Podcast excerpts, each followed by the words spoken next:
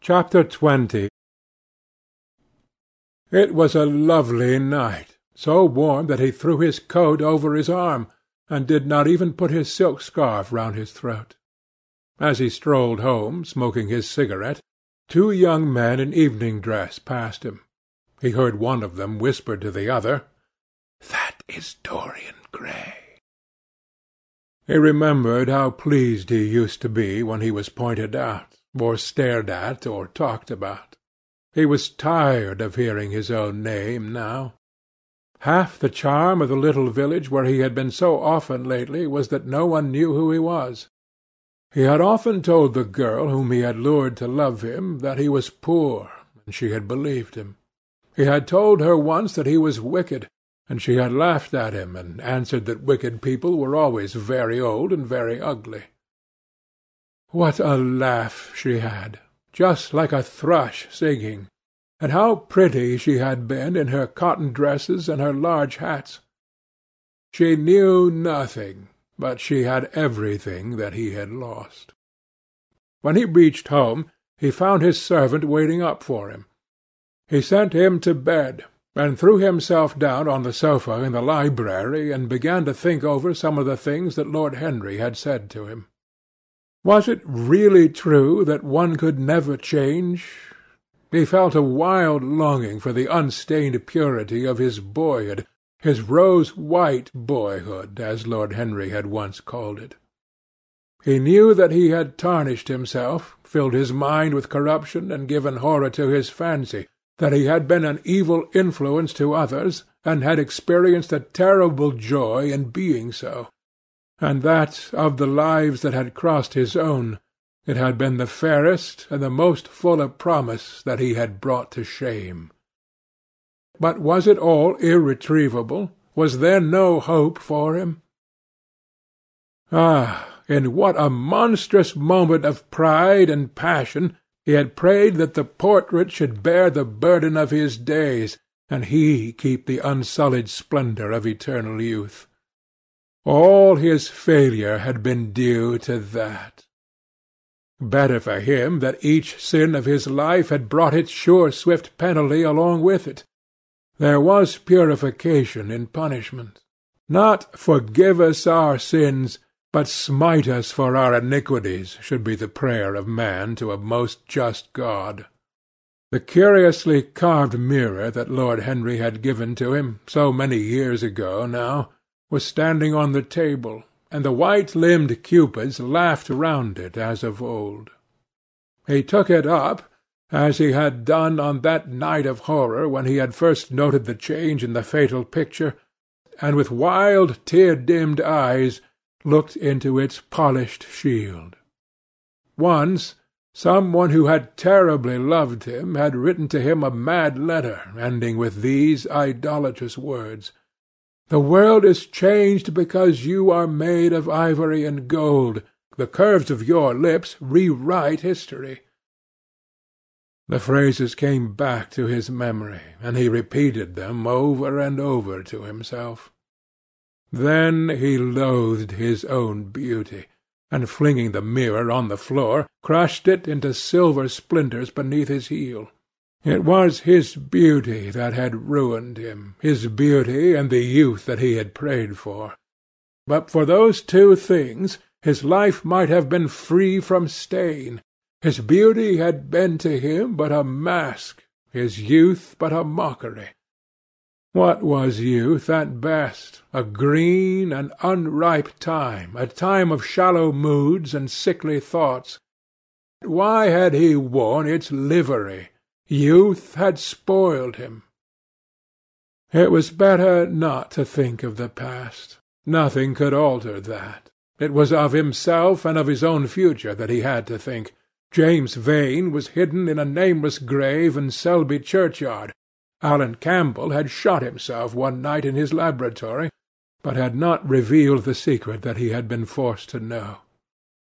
The excitement, such as it was, over Basil Hallward's disappearance, would soon pass away. It was already waning. He was perfectly safe there. Nor, indeed, was it the death of Basil Hallward that weighed most upon his mind. It was the living death of his own soul that troubled him. Basil had painted the portrait that had marred his life. He could not forgive him that. It was the portrait that had done everything. Basil had said things to him that were unbearable, and that he had yet borne with patience. The murder had been simply the madness of a moment. As for Alan Campbell, his suicide had been his own act. He had chosen to do it.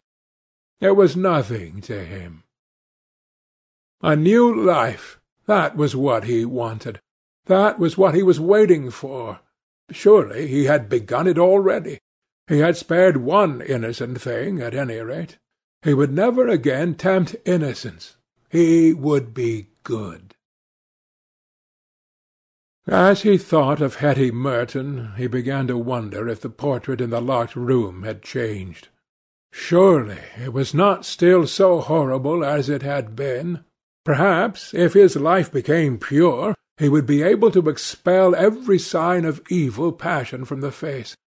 Perhaps the signs of evil had already gone away. He would go and look. He took the lamp from the table and crept upstairs. As he unbarred the door, a smile of joy flitted across his strangely young-looking face and lingered for a moment about his lips. Yes, he would be good, and the hideous thing that he had hidden away would no longer be a terror to him. He felt as if the load had been lifted from him already.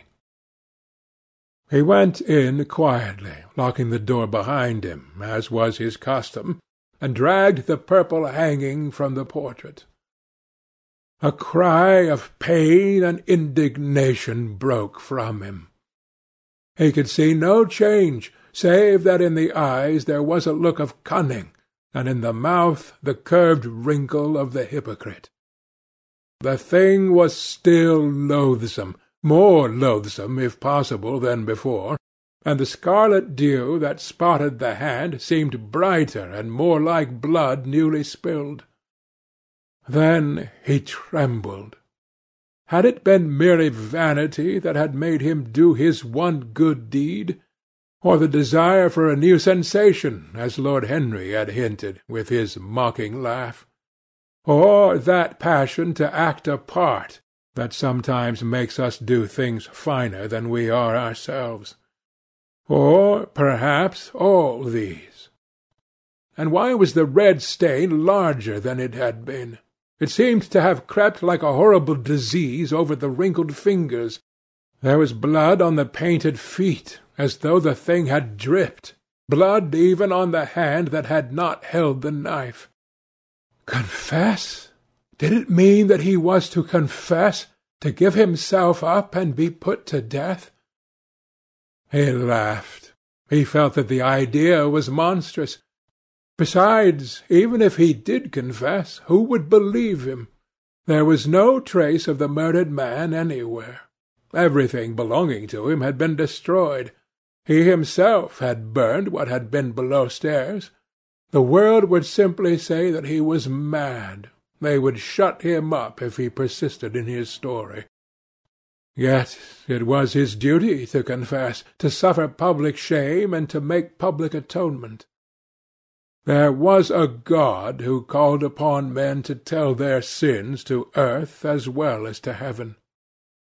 Nothing that he could do would cleanse him till he had told his own sin. His sin? He shrugged his shoulders. The death of Basil Hallward seemed very little to him. He was thinking of Hetty Merton. For it was an unjust mirror, this mirror of his soul that he was looking at. Vanity, curiosity, hypocrisy. Had there been nothing more in his renunciation than that? There had been something more. At least he thought so. But who could tell? No, there had been nothing more. Through vanity he had spared her. In hypocrisy he had worn the mask of goodness. For curiosity's sake he had tried the denial of self. He recognized that now. But this murder, Was it to dog him all his life? Was he always to be burdened by his past? Was he really to confess? Never. There was only one bit of evidence left against him. The picture itself. That was evidence. He would destroy it. Why had he kept it so long? Once it had given him pleasure to watch it changing and growing old. Of late he had felt no such pleasure. It had kept him awake at night. When he had been away he had been filled with terror lest other eyes should look upon it. It had brought melancholy across his passions. Its mere memory had marred many moments of joy. It had been like conscience to him. Yes, it had been conscience. He would destroy it. He looked round and saw the knife that had stabbed Basil Hallward. He had cleaned it many times till there was no stain left upon it. It was bright and glistened. As it had killed the painter, so it would kill the painter's work, and all that that meant. It would kill the past, and when that was dead, he would be free. It would kill this monstrous soul life, and without its hideous warnings he would be at peace. He seized the thing and stabbed the picture with it. There was a cry heard, and a crash. The cry was so horrible in its agony that the frightened servants woke and crept out of their rooms. Two gentlemen, who were passing in the square below, stopped and looked up at the great house.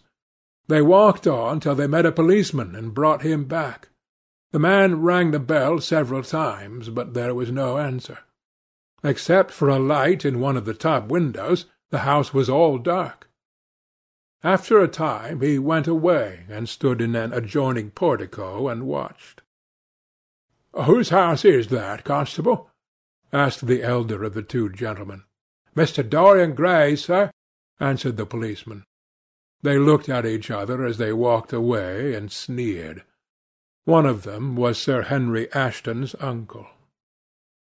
Inside, in the servants' part of the house, the half-clad domestics were talking in low whispers to each other. Old Mrs. Leaf was crying and wringing her hands. Francis was as pale as death. After about a quarter of an hour, he got the coachman and one of the footmen, and crept upstairs. They knocked, but there was no reply. They called out. Everything was still. Finally, after vainly trying to force the door, they got on the roof and dropped down on to the balcony. The windows yielded easily; their bolts were old. When they entered, they found hanging upon the wall a splendid portrait of their master as they had last seen him, in all the wonder of his exquisite youth and beauty.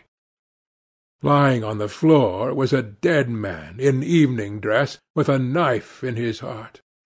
He was withered, wrinkled, and loathsome of visage. It was not till they had examined the rings that they recognized who it was. End of the Picture of Dorian Gray by Oscar Wilde Read by Bob Neufeld